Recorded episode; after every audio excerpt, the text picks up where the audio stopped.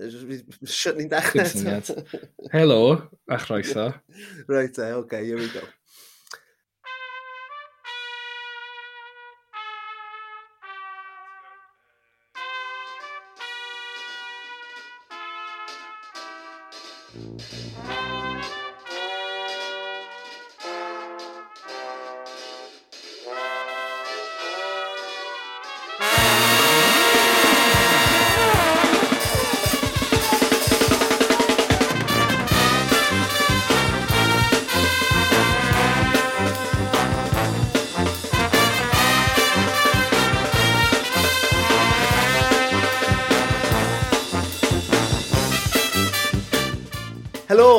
croeso i benod 56 o Ysbeidiau Heilog gyda fi, Llywyd Owen. A fi, Lee Jones, lle byddwn ni'n rhoi sylw i'r pethau bach sy'n gwneud gwahaniaeth mawr i ni yn ystod y cyfnod hollol honco hwn.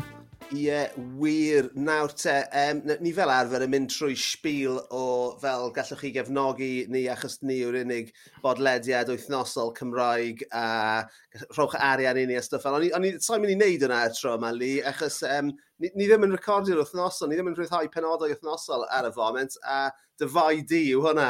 Ti eisiau sbonio dy hunan? Wel, well, Llywyd, just bywyd go iawn yn, uh, well, cymryd uh, blaenoriaeth ar hyn o bryd. Ie, yeah, sori. Oh, dwi wedi colli colli'r geirfau Gymraeg. Dwi ddim...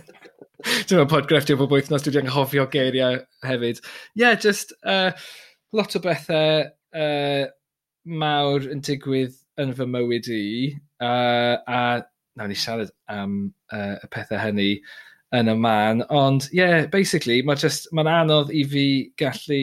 Um, ymrwymo i recordio bob wythnos a mae'n ma, torri'n halo ni achos uh, jyst dim byd gwell na teimlo fel bod ti'n bwysig a bod ti'n gallu siarad a bod, bod ti'n gallu... Oh god, oh, dwi'n teimlo'n emosiynol. Does dim byd gwell na teimlo fel ti'n gallu siarad a bod pobl eisiau gwrando ar beth sydd gen ti i ddweud. Felly, ti'n gwybod, mae'n ma, ma, ma, ma dorcalonus i fi mod i methu uh, gwneud y podcast, a hefyd, mae'n neis gweld ti bob wythnos hefyd, ambell waith llwyd, ond... Um... Ambell waith. ond ie, yeah, mae'n braf gweld ti eto. Ac rhaid ni jyst bwysleisio i'n grandawyr ffyddlon ni, a mae gyda ni grandawyr ffyddlon, ni'n caru Oes. pob un ohonoch chi. Um, dim ond dros dro yw hwn, a byddwn ni unwaith eto yn unwaith bod ti wedi setlo. Uh, ni ddim rhy siŵr uh, pryd yn union bydd hynny, ond um, byddwn ni nôl, a byddwn ni nôl uh, yn wythnosol a byddwn ni nôl yn well nag erioed. Um, yeah, so dyna'r plan anyway yn te. Wel, ie. Yeah. Yeah, a, a byddwn ni, byddwn ni yn well nag erioed, fel ti'n dweud, Llwyd. Efo, efo awydd a chwant newydd i, i well, i just cymryd drosodd y byd podgrefftio Gymreig. Ie. Yeah. Nawr te. So, dyna'r esboniad bach yna mas o'r ffordd. Ond, er bod dim amser dy ti i bod grefftio yn wythnosol, mae gyda ti lot fawr o amser, neu digon o amser anyway, i ysgrifennu erthyglau niferus i'r papur cenedlaethol The National. A dyna lle ni'n mynd i ddechrau yr wythnos yma. Achos, a na i bastio'r awenau at y ti nawr mewn munud i esbonio, ond ti wedi cael llwyddiant mawr gyda erthygl diweddara di. So ti eisiau uh, esbonio ni beth sydd wedi bod yn mynd mlaen? Wel, oedd... Um, os, os, well, mae ma rhan fwyaf o'n gwrandawyr ni yn treulio lot o amser ar-lein, felly dwi'n siŵr bod chi wedi dod ar draws fideos teig hici o'r blaen. Uh, boi Penfoel, dim byd yn bod efo hynny, uh, o Iwerddon, gyda acen, acen gorllewinol Iwerddon, cryf iawn. Mae fe'n gwneud sketches, uh, comedy bach, lle mae fe'n chwarae rôl gwahanol uh, gwledydd yr ynysoedd Prydeinig fel arfer. Ac uh, mae'n uh, uh, eitha dychanus Di hwnna'r gair? Dychanol. Dychanol, o'n i'n meddwl, ti'n meddwl, o'n i'n meddwl... Ti'n brom yna? Byddai yna, erbyn diwedd y benod yma, byddai just yn... Byddai ti'n rigol eto, byddai ti'n rigol eto erbyn diwedd y benod, Lee. Ond, yeah, yeah. So mae'n neud uh, uh, fideos dychanol yma o, basically, just cymryd y pes allan o uh, sefyllfa'r Deyrnas Unedig, really. A dwi'n meddwl, nath e ddechrau trwy cymryd y pes allan o Brexit, ac o hynny mae wedi dechrau uh, lledeini allan a, um, uh, wel, ehangu'r repertoire.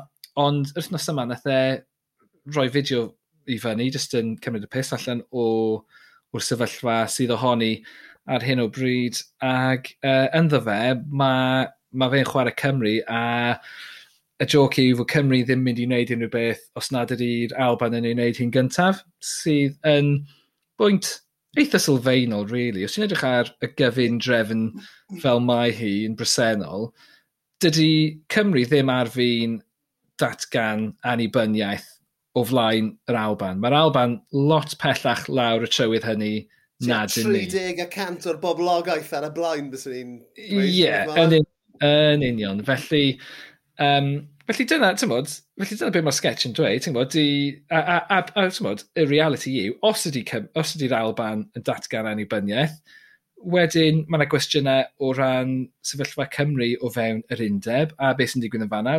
Bod, wedyn mae yna sgwrs newydd yn dechrau o ran be mae Cymru'n gwneud o ran annibyniaeth os di'r di Alban yn mynd yn gyntaf. A bod, mae hynny'n rhywbeth reit sylfaenol o ran y cyfansoddiad presennol yn y Deyrnas Unedig, right? Ydy. A ti'n meddwl, ond... bys y pawb yn cymryd hynny ganiataw, right? Wel, na, achos mae hwn yn arwen at y gwir fatha ciga gwaed um, y sgwrs yma, yr intro yma, a, a, sef mae pobl wedi colli ei limpin yn llwyr yn dyn nhw ar-lein eto um, dros y y sketch comedy yma. Um, so, so er, mae dy erthigol di yn y, yn y National bore yma yn sôn am fregisrwydd ni y Cymru, yn enwedig y Cymru, wel, dim yn enwedig, ond ma, y Cymru yn, yn gyffredinol yn, yn, yr, yn, yn, yr, yn, yr, ma, yn yr mm. enghraifft yma, achos mae lot o bobl wedi uh, fatha cymryd yn erbyn um, beth wedodd Beth oedd ei enw fe eto? Sa'n lli cofio enw fe. Teig Hickey. Teig. Teig yeah. Hickey. So, ti'n mo, ti'n mo, achos under erthigol di, ti'n mo, ti'n sôn am, am fregisrwydd y Cymru, a ti'n sôn am dy, dy gysylltiad a dy berthynas di gyda Cymreicdod, uh, e, fel Cymro alltid. Mm. Ond um, o be o'n i'n gweld o'r ymateb ar-lein, yr ymateb negyddol fully taking offence ar-lein hmm. mm. yma yw, o'n i'n cael ar, ar, ar un sicr yn, yn, yn, yn credu falle bod hanner y bobl, o leia hanner y bobl sy'n ymateb fel e, heb un o'r edrych na, na gwylio'r clip, na, y, y, y sketch. Na, yn union. A, a just, beth sydd wedi digwydd, mae pobl wedi gweld cyfuniad o'r geiriau Wales a comedian, a, a mae'n comedi o'r dyn nhw ddim yn adnabod, felly mae'n rhaid bod nhw o o, o dramor, o bell, from away, fel bys nhw'n dweud yn Saesneg yeah. yng Nghymru. Um, ag wedi cymryd rhyw offence at hynny a meddwl, wel, mae'n rhaid, os di, os di rhywun from away yn siarad amdano ni, mae'n rhaid bod e'n negyddol. A mae hwnna, ti'n bod, mae hwnna'n rhyw... Mae hwnna'n feddylfryd bod ti'n gyfarwydd efo'n diwy ti'n bod, lle, lle mae yna y chip ysglodyn ar yr ysgwydd, um, a mae, ti'n bod, lle, lle mae Cymru yn, jyst yn teimlo fel yna. Os di rhywun yn dweud unrhyw beth am Gymru, sydd ddim yn Gymro, mae'n rhaid bod nhw'n dweud pethau negyddol. Um, a dwi'n meddwl, dyna, mae'n tipyn bach o hynny'n dod siwr yn, yn yr ymateb negyddol i hynny. Yn ewedig y, bob, y bobl sydd heb hyd yn oed yeah. gwylio'r clip, a ddech chi'n gweld pwy dyn nhw, yn dwi ti? Yndych, ond ti'n ni'n siarad yn Twitter pylons, a dyw, dyw, dyw, dyw ni y Cymru Cymraeg ddim yn... Uh Timon, ddim yn... Wel, ni'n gyfarwydd iawn gyda Twitter Pals achos dros y blynyddoedd ni wedi... Ni wedi Instigatio nhw. Ni wedi uh, cymryd rhan a cyfrannu at nifer. Ond fel arfer, maen nhw yn... Ti'n modd, maen nhw'n ma nhw pylons... Um, chi'n gallu cyfiawnhau. Er mm. enghraifft, ti'n mo, er enghraifft, erthigol yn, yn, yn, yn edrych lawr ei thrwyn ar yr iaith yeah. Gymraeg. Ffigur, E, e, e, ffigur cyhoeddus, hmm. neu, ti'n gwybod, os oes na rhyw um, anhafalrwydd pwer neu grym o fewn y sgwrs, fel, fel ti'n dweud, ti'n bod, fel papur yeah. cenedlaethol o Loegr yn siarad... yn siarad am Gymru. Achos mae yna ma uh, anghytbwysedd Grim oes. fan, ond oes na, o, dyna term hyfryd. Sgwyn hwnna lawr neu di llwyd. ond on, dyna beth yw i, ynddi we. Os, os oes yna rangyd bwysedd yna, wedyn mae'n hawdd iawn i ni fel Gymru, fel Cymru teimlo fel bod ni um, chmod, dan chwal rhywfaint a mod, o dan ymosodiad a dan bygythiad. A mae'n rhywbeth, um, dwi wedi siarad am hwn droi droion a di sgwennu amdano fe llwyth. Um, God, talk about dining out on the on former glories, ond i fi, ti'n e bod... Coeso'r podlediad! ti'n bod, fy siwrne i, mae wedi bod, ti'n bod, oedd Cymreigdod yn rhywbeth uh, fregus, oedd ti'n cadw, ti'n bod, yn y cwpwrdd, just drag ofyn na, ti'n bod, os dydw ti'n cael ei allan, oherwydd oedd hi'n fregus, ac oedd hi'n, um, oedd hi'n gallu fod yn... Uh, reit vulnerable. Be i vulnerable? Oh, god. Nawn ni, nawn ni Agored i oh. niwed. Oh, god. So, Dyna beth yw e. Sy'n long cig. Neu, I mean, gallu ti ddefnyddio bregus hefyd yn y... Yeah. Ond anyway, um, ond oherwydd hynny, oherwydd dyma sut o'n i'n teimlo am, am Gymreig Tod, oedd hi'n anodd i fi mynegu hynny, mynegu fy Nghymreigtod i. Um, ond ti'n gwybod be?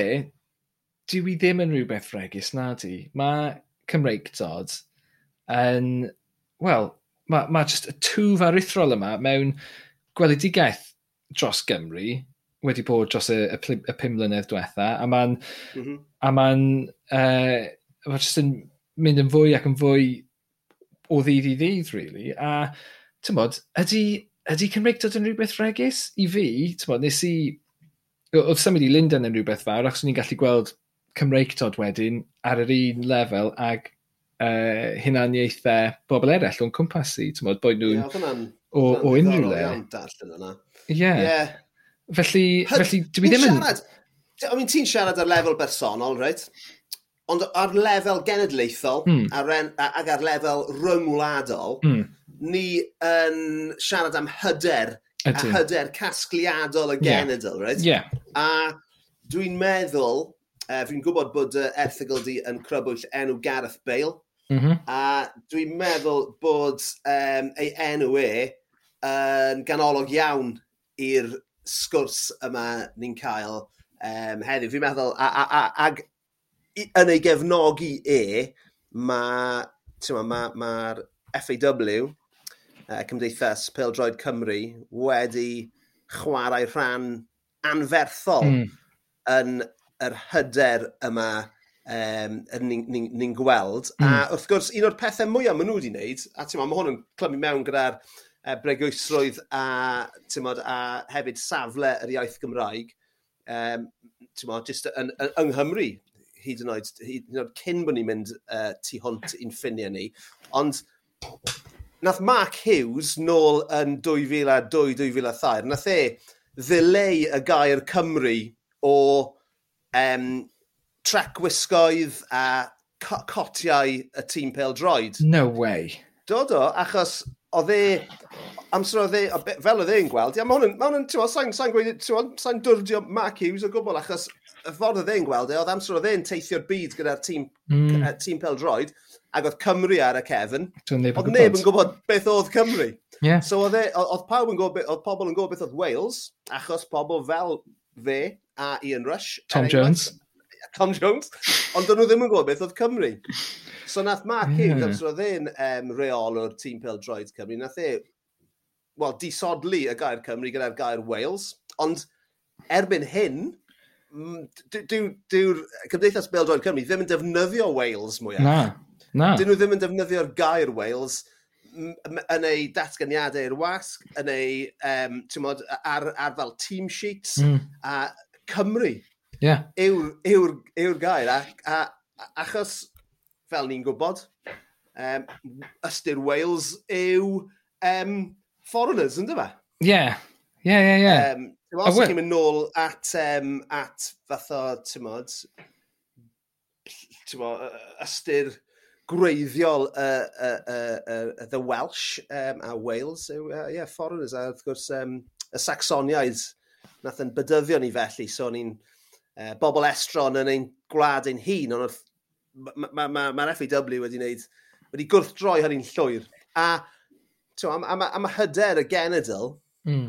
fi'n meddwl yn, ddim yn hollol seiliedig, ond mae yna lot yn ymwneud gyda beth mae'r tîm Pêl Droed Cenedlaethol wedi cyflawni dros uh, 8 mlynedd diwethaf yma. Mm -hmm. So mae rhaid, ni, mae, rhaid ni, mae rhaid i ni dalu teirnged i Ian Gwyn Hughes yeah, am out. be mae fe ei wneud yna. Um, arwr uh, i ni gyd, bys ni'n yeah, gweud. A ma, ma yeah. A dwi'n meddwl, ti'n sôn am yr hyder, uh, yn hanesyddol yn amlwg, dydy'r hyder yna heb fod yna, ond mae yna gynhedlaeth nawr sydd yn tyfu fyny gyda'r hyder yn uh, cenedlaethol rwydd neu cenedlaethol deb y wlad, yeah. ti'n gwybod? Yeah. Um, nationhood, dwi'n trio dweud. Ond, a, ti'n gwybod, achos mae'n genhedlaeth nawr, sydd wedi tyfu fyny gyda'r Senedd neu'r Cynulliad, sydd yeah. just wedi bod yna yn ganiatal fel rhan anatod o'i bywyd nhw yn tyfu fyny yng Nghymru, sydd wedi tyfu fyny gyda gwersi Cymraeg yn yr ysgol, yn rhan anatod o'i bywyd nhw, bod nhw jyst yn gallu cymryd yn ganiatal. A mae'n yr hyder yma o fewn cysyniadau o Chymreictod, doedd ddim yna yn y gorffennol, a beth sy'n digwydd ar hyn o bryd yw bod yna gwrthdaro rhwng y ddau cysyniad yma o Gymreictod. Tymod, lle mae yna un cysyniad o'r Cymreictod lle does na ddim hyder, mae hyn rhywbeth fregus, mae'n rhaid i ni warchod hi o dan pob amod, o dan pob fath o unrhyw sôn am Gymreictod, mae rhaid i ni warchod Cymreictod, a wedyn mae yna'r genhedlaeth newydd lle, actually, does dim rhaid i ni warchod dim byd, achos tymod, water off a duck's yeah. back. Does dim ots os di, tymod, rhywun eisiau fod yn sarhaus dros, dros yr iaith Gymraeg. Neu, neu beth sy'n digwydd i, mae pobl yn edrych ar y cyd-destun a meddwl, pwy sy'n um, tymod, edrych lawr i trwy'n ar, ar, ar, y Gymraeg? Oes rhaid i ni ymateb i, i bob un sylw am y Gymraeg? Falle ddim. A tymod, dyna, dyna, dyna beth sy'n digwydd nawr yw, chwod, ni'r Cymru'n dda am uh, brwydro fewn ein gilydd, yn dyn ni? A dyna, oh. tymod, A, a dyma beth sy'n digwydd eto, byswn ni'n dweud, diwch mod, y, y gwrthdaro mae rhwng y, y ddau, nid, nid, nid yr oedryd cynhedlaeth, ond uh, y ddau cysyniad yma o yeah. um, y Gymreigdod hyderus yeah. a'r Cymreigdod dihyderus. Ie. Yeah. yeah. A mae hwn yn rhywbeth, ti'n ma, i, i, i gyfeirio nôl at erthygol arall e, ti di ysgrifennu'n ddiweddar i'r National am um, y gwahaniaethau sydd yn bodoli erbyn hyn rhwng uh, Cymreicdod uh, Undeb Rygbi Cymru a Cymreicdod uh, Cymdeithas Bildroed Cymru. A mae ma Cymreicdod, neu jyst, ti'n modd, um, hynaniaeth mm. um, sydd ynghlwm a Rygbi Cymru um, yn rhywbeth um, modd, sydd yn sydd yn gwasanaethu. I mean, fel ni'n gwybod, mm. uchdien sef um, arwyddau'r mm. tîm rygbi Cymru yw I serve a o dan tri tair plien uh, tywysoges tywysoges tywysog, Ti eisiau uh, helpu efo dy Gymraeg ti? Wel, wrth gwrs, wrth gwrs, mae angen helpu nhw'n i gyd, beth. ond, um, ond ie, yeah, so, so oedd hwnna'n, fel, mae hwnna bron fel, fel bod ti'n ti'n beth ti jyst yn gweud nawr am fel y hen ffordd mm. o, yeah. o bod ni'n gweld, yn, bod, bod y WRW yn cynrychioli'r hen ffordd, yeah. neu'r ffordd, neu ffordd mae ma Lloegr eisiau ni weld yn hunan hefyd. Mm. Ie, ie, ie. A dwi'n meddwl... Lle mae'r um, ma diwylliant o gwmpas y tîm fel droed yn cynrychioli hyder newydd. Yn union. Um, a, a, a, yn ni fel gwlad. A, a dwi ddim yn meddwl bod hynny o reidrwydd yn, symod, bai y WRU um, neu, neu bai'r FAW yn yr un ffordd, ond dwi'n meddwl bod hynny yn adlywyrchiad o'i cynnyllad, yeah. nhw, ti'n bod? Ma, yeah. Ond, ti'n bod, mae'r ma, ma rhywbeth, ti'n mae'r ma, ma FAW wedi hybu hynny rhywfaint, mae nhw wedi gwrando ar, ar, ar bwy sy'n dod, a maen nhw wedi hybu hynny, a mae hynny wedi tyfu, a mae, ma, ti'n bod, uh, y, y cilch fel petai wedi agor yn, yn mwy llydan o ran pwy sy'n gallu mynd i weld nhw. A, um, a yr un peth efo rygbi, really, bod, maen nhw'n gwybod, so, maen nhw, nhw sy'n adlewyrchu be mae cynulleidfa nhw eisiau i, yeah. i ryw raddau. Ag, yeah, um, ond, ond, ynddo fe, ond beth sy'n sy mynd i ddigwydd... O, na nhw gyd, na nhw gyd farw. A yeah, fi'n na neb ar ôl i wylio rygbi. Absolutely, fi'n fi yeah. edrych ar y plant uh, sydd, ti'n yn fy mywyd i, right? So, fy merched yn hunan, plant yn mrawd, i plant yn ffrindiau, Sym un o'n nhw'n chwarae rygbi, sym mm. un o'n nhw'n dangos diddordeb yn rygbi, who gives a shit am rygbi yw i mm. ymhlith. Ni'n siarad am blant, ti'n mo, yn ei arddegau ni'n siarad am yeah, rygbi, ti'n. A, a, a does na ddim cysylltiad, dyn nhw ddim yn teimlo unrhyw gysylltiad gyda um, y tîm rygbi Cymru. Mm.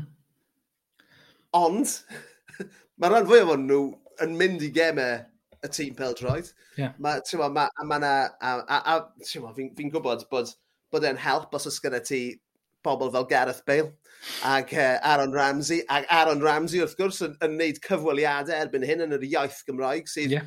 wastad yn neud fi'n really emosiynol am ryw reswm. Mae'n really yn, mae'n yeah. ma mor hyfryd. A wedyn, ti'n a wedyn ti'n gweld um, Ruben Colwell, ie, yeah, nath mm -hmm. sgorio ar ei gêm gyntaf yeah. i Gymru. O dim syniad y fi bod e'n siarad Cymraeg, a dyna fe, oedd e ar y, ar, y, ar, y, ar y sgrin yn siarad Cymraeg, a dim just siarad Cymraeg, yn siarad Cymraeg yn really naturiol. Ie, ie, oedd e'n naturiol, ddim yn stop start. relaxed. Yeah. A, a mae just, oh, mae fe just yn hyfryd. Mae'n yeah. hyfryd. Ond dyna ni, ti'n gwybod, cafodd Ruben Colwell ei enni yn 2002 mae fe wedi tyfu fyny gyda Cymre Cymreigdod, yeah. gyda'r iaith Gymraeg, yn yeah. beth anatod, naturiol o'i gwmpas e. Yndi. Dyna ni. Yeah, so... I, I suppose, y, y peth pwysica o'r hyn i gyd yw bod angen darllen yr erthygle a edrych ar y clipiau yma cyn colli eich penen llwyr dros nhw, roed? Ie, yeah, yn union, ie. Achos, Yeah. Achos tasau chi yn... A, a, a, a, a dod i gasgliad personol yn seiliedig ar beth sydd Be yn cythrwyddo pobl yeah. yn hytrach na jyst cael eich cythrwyddo gan y ffordd mae pobl arall yn ymateb. Ie, yeah, ie, yeah, yn union, ie. Yeah. Gwnewch eich meddwl eich fyny eich hun, tywod, edrych ar, yr, ar y ffynhonell greiddiol, meddyliwch sut mae'n gwneud i chi deimlo, a wedyn mynegwch hynny. Peidiwch am mynegu hi, peidiwch am mynegu barn oherwydd beth ydych chi'n meddwl sy'n digwydd neu bod, y ffordd mae'n cael ei cyfleu chi. Absolutely. Absolutely. Right, uh, e, Mor patronising ydy ni. Ydy. Ambell waith mae rhaid bod. So uh, dyna ni wedi, e, uh, well, wedi rhoi plug go dda i dy, i dy yrfa um, fel newydd i diwol gyda'r gyda, yeah, gyda National. Um, ond um, os wnawn ni symud ymlaen nawr, Lee, a, a, a ti'n lli uh, gweithio ni beth, beth sy'n neud, uh, ti'n ti hapus yr wythnos yma? Wel, Llwyd, hwn di'r di big news, hwn di beth sydd wedi cicio uh, podlediad yma yn ei dyn dros, uh, dros y mis diwetha. Ond uh, dwi'n symud ti, a dwi'n hapus fy mod i'n symud ti. Fy na beth sy'n neud ti'n hapus. Na gyfer yeah. neud ti'n really stressed. Wel, beth sy'n digwydd yw, dwi just yn breuddwydio o hyd ac just yn meddwl am y tŷ newydd yma a meddwl, oh, be dwi'n mynd i roi yn fanna? Be dwi'n mynd i roi yn fanna? Mae gen i Pinterest board a bob dim o beth sy'n mynd i fod yna. Dwi'n dwi really, I'm a sucker, I've, I've gone in on, on the deep end. Ond yes, dwi'n symud ti, dyn ni'n gadael Llundain llwyd. Um, yeah, so mae hwn yn big news. Ti'n symud i'r gogledd, so ti a Watford ffordd na, ie? Yeah? Uh, Tim bach yn bellach na hynny, ie. Yeah. Lle ti'n mynd, man? So Watford. So dyn ni'n symud i uh, Whitley Bay. Ger Newcastle. What? Yeah, so dyn ni'n mynd hwna, i fod. Hwna yw fel, Hwna yw lle, y rhan posh Newcastle, right? Uh, man, ie, yeah, wel man... dyna lle, ti'n bod, yn hanesyddol, dyna lle oedd pobl yn mynd ar ei wyliau o Newcastle. So ti'n gwybod, fel oedd pobl o Lerpool arfer mynd i Rill neu Blackpool, uh, oedd pobl o Newcastle arfer mynd i Whitley Bay. Ag uh, dros uh, 10 mlynedd diwetha, mae di, tymod, mynd, uh, well, mae di dechrau gentrify o llwyd. So dyma ni, dyn ni'n mynd mewn yna cyn iddo fe fynd yn rhy well, ddryd i ni symud yna. Oedd roed i ti aros tan bod e wedi gentrify o digon cyn bod ti'n barod i symud na, ie? Yn union, yn union, achos dyna yn union beth ddigwyddodd. Pan wnaethon ni prynu'r tŷ yma yn Llundain, um, oedden ni'n meddwl, reit, mae'r ardal yma, mae jyst ar fi'n, ti'n tymod, pigo fyny, Ond uh, nath i ddim dros y pedair mlynedd i ni fod yma. Mae wedi bod yn dwll o le, llawn bookies, uh, ac uh, mwy, mwy a mwy o fwcis pob dydd, ac uh, just, ddim, just ddim yn lle neis, really. Mae'n oce. Okay. mae'n yna ma caffi neis yn y parc. Mae'r parc yn hyfryd, ond, uh, yeah. Ond basically, basically digwydd yw, dyn ni ddim yn cael allan o Lundain be mae Llundain yn gallu roi i chi, dim mwy. Felly, ti'n gwybod, pan, pan, pan ydych chi'n tîm bach yn iau, pan ydych gen ti ddim plant, ti'n, ti'n gwybod, mynd allan ar ôl gwaith, cael peint, neu ti'n mynd i gig, a ti'n gallu aros allan yn hwyr, just dod nôl pryd bynnag ti eisiau, a wedyn just rwli allan o wel i'r bore wedyn, teimlo bach yn sal, ond cyrraedd y swyddfa. Um, ond mae'r ma, ffordd dyn ni'n byw yn bywyd ni wedi newid yn aruthrol ers cael plentyn, ers yeah. Covid. A ti'n gwybod, be dyn ni'n gwneud nawr? Wel, ti'n gwybod, dyn ni'n mynd i wely yn gynnar. dyn ni yn deffro'n gynnar. A dyn ni'n mynd allan am dro, mynd i'r parc, cael coffi bach neis a cerdded rownd y parc. A does dim byd unigryw llundeinaidd am hynny nag oes, ti'n bod? Gallai, no. gallai ni fod yn gwneud hynny mewn unrhyw le. So, um, so dyn ni'n symud i, i Whitley Bay i wneud yeah. yr un peth ar lan y môr. Wel, ie, yeah, I mean, ma, ma, i roi rhyw fach, chi chi ddim jyst wedi penderfynu symud i Newcastle achos... Uh, Dyna lle mae... Mae ma dy bartner ti'n dod o Newcastle, ydy. ie. Dwi ddim, ie, dwi ddim yn random o hynny.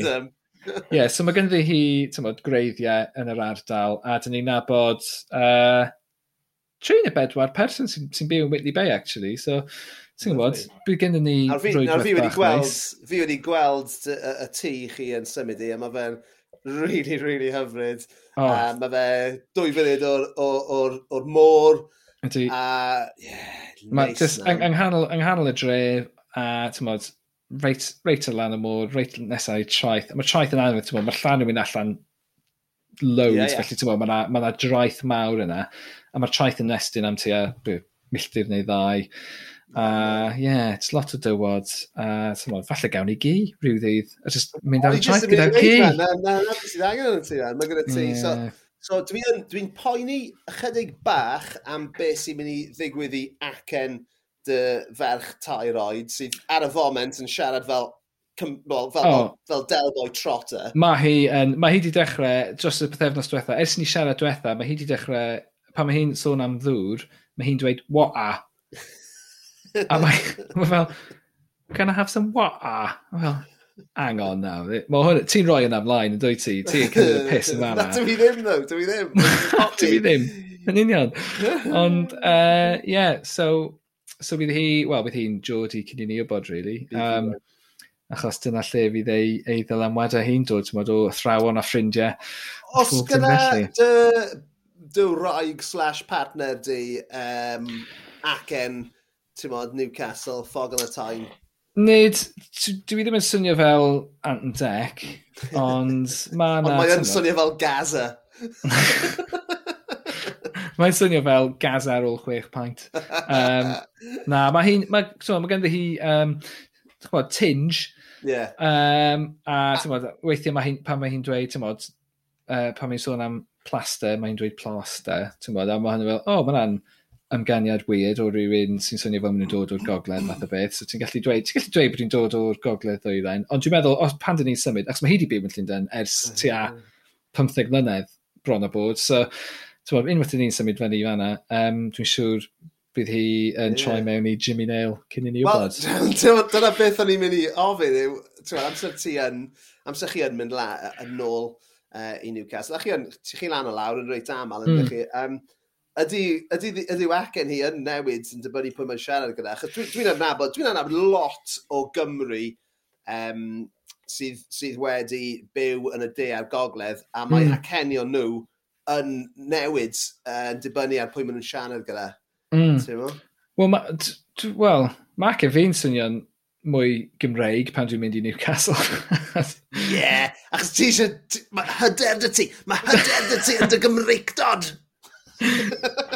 Wel dyna beth, wel, falle, falle jyst eisiau eisiau i bobl meddwl bod fi ddim yn dod o dde, llynda, uh, dde Lloegr falle. Ie, ie, mae fe fel... Mae acen fi pan dwi'n siarad Saesneg, just... Uh, Ie, yeah, ti'n gallu, ti gallu really dweud o le dwi'n dod. Uh, felly, os dwi'n rhoi, mm. Tymod, os oes na twinge bach o Gymreig dod yna fi, fysa, oh. ti'n mae'n help fach i bobl meddwl bod fi ddim yn rhyw soft southern pansy, ond yn rhyw western yeah. Welsh pansy. Wariar! Yeah. Wariar o'r West. So, yeah, so dyna ni. So, yeah, I mean, ag eto, i ddweud, wrth ein um, gwrandawyr, hyfryd tu hwnt ni, a unwaith byddwch chi wedi symud a setlo uh, mm. lan yn, uh, yn Whitley Bay, byddwn ni nôl ar union. y tonfeddi yn wythnosol. Yeah. Um, Achos, yeah, ar hyn o bryd, so, beth sy'n digwydd yw, mae Naomi yn dechrau job newydd i fyny fan cyn i ni symud A tyma, mae'n mynd i fod yn anodd iawn, achos, tymod, dyw hi ddim mynd i weld fi, a mae hynny'n mynd i fod yn anodd iawn iddi hi. Um, achos, achos dwi'n mor hyfryd llwyd. Iawn, um, a fyddwch... oce, okay, mae hwnna'n codi cwestiwn nesaf. Uh, a fyddwch chi yn cael uh, phone sex? Uh, o, oh, falle. Na i, na, i, yeah. na i roi hwnna ar yr agenda ar gyfer ein uh, cyfarfod nesaf ni. Sgan ti unrhyw tips? Wel, just, just, ti'n mo, just na'n siŵr bod uh, wipes dy ti'r sgrin yn ôl gorffen yn da. Ach, fi, Lloyd. Yeah. Wedi bach bod ti wedi gofyn hwnna. Um, um, o'n i'n mynd i ddweud rhywbeth arall nawr, ti wedi hollol oh, dirailio. Bob dim yn Sam bod ti'n gallu top o hwnna. So. Wel, byddai byth yn trio. Um, ond ie, yeah, sy'n gwybod, ma, dyna, dyna beth sy'n digwydd i podlediad am, am y tro. Mae pob dim mynd i fod yn anodd iawn yma yn bersonol i fi, achos dwi'n mynd i fod ar ben fy hun gyda Aida bach, Trian. Trian anu hi, gofod treulio i amser efo fi. Um, a ie, yeah, just methu, just methu, wel, just yn gallu gweld bod, ti'n modd, uh, beth sy'n mynd i ddigwydd yw dwi'n mynd i fod yn hollol nacyd a dwi'n mynd i fod yn shit uh, ac yn nacyd ar y podcast, ac uh, mae'r ansawdd yn mynd i gostwng i llain a, llain a saith allan o ddeg. No way, uh, felly, felly yn hytrach na just, ti'n bod, go through the motions a just bod yn shit bob wythnos, mae falle cadw'r safon yn uchel, oh, yeah. ac uh, just uh, gwneud pen o bach am bellaeth pan dyn ni cael y cyfle fel yeah. y benod yma. Felly, yeah, yeah. gobeithio bod hwn yn cyrraedd y leia saith oherwydd uh, os dwi ddim, wedyn dwi'n anghywir a dys dim pwynt a well i ni wneud e bob wythnos ac e, uh, just kind of torri fi lawr. Anyway, ty beth. Llywyd, beth sy'n dy gadw dyn hapus ar y benod arbennig yma? OK, wel, ti wedi cael plygio dy uh, waith newydd i'r dirol di yn y benod yma. So, y, y peth sydd wedi gwneud fi'n hapus uh, dros yr wythnos diwethaf yma yw cyhoeddi nofel rhif 14 um, o glist i glist sydd ar gael yn y siop a'i nawr. yn eich siop Gymraeg lleol. Ond ie, yeah, dim, dim, I mean, mae hwn yn amlwg yn shameless plug a uh, hunan hyrwyddo, ond be fi, be fi really golygu yw'r wefr mm. o hmm. dderbyn y copi caled cyntaf yna o'r nofel. So ti'n cael... Byw... Go. So ti'n cael box, neu ti'n ti cael y, y proof bach sy'n cael ei anfon allan, so basically fel mm. mock-up o beth mae'r llyfr yn edrych fel, neu ti'n just cael y copi gorffenedig? Wel, maen nhw'n cymryd y copi cynta off bo, y wasg mm. ac yn rhoi hwnna mewn amlen ac yn postio fe'n syth atoch chi. Um, neu o leia na beth maen ma nhw'n gwerth fi. Dweud wrth y ti. Na, dyma ni'n cyntaf. Ond, ar ôl... So, so Timo, i, i, i fynd trwy'r broses o, o gynhyrchu nofel, reit? Mae ma, ma fe'n... Fi, fi wedi bod yn byw gyda'r nofel yma, fel fi wedi wneud yn y gorffennol. Dwi wedi byw gyda'r nofel yma fel syniad ers tua blwyddyn a hanner. Dwi wedi, dwi wedi ysgrifennu'r drafft cyntaf sydd mo, dwi'n mwynhau yn fawr iawn wneud y dar yna. Dwi'n caru'r paratoi, y plotio, a wedyn ti'n mod, yr, uh, yr ymchwil, a wedyn yr ysgrifennu.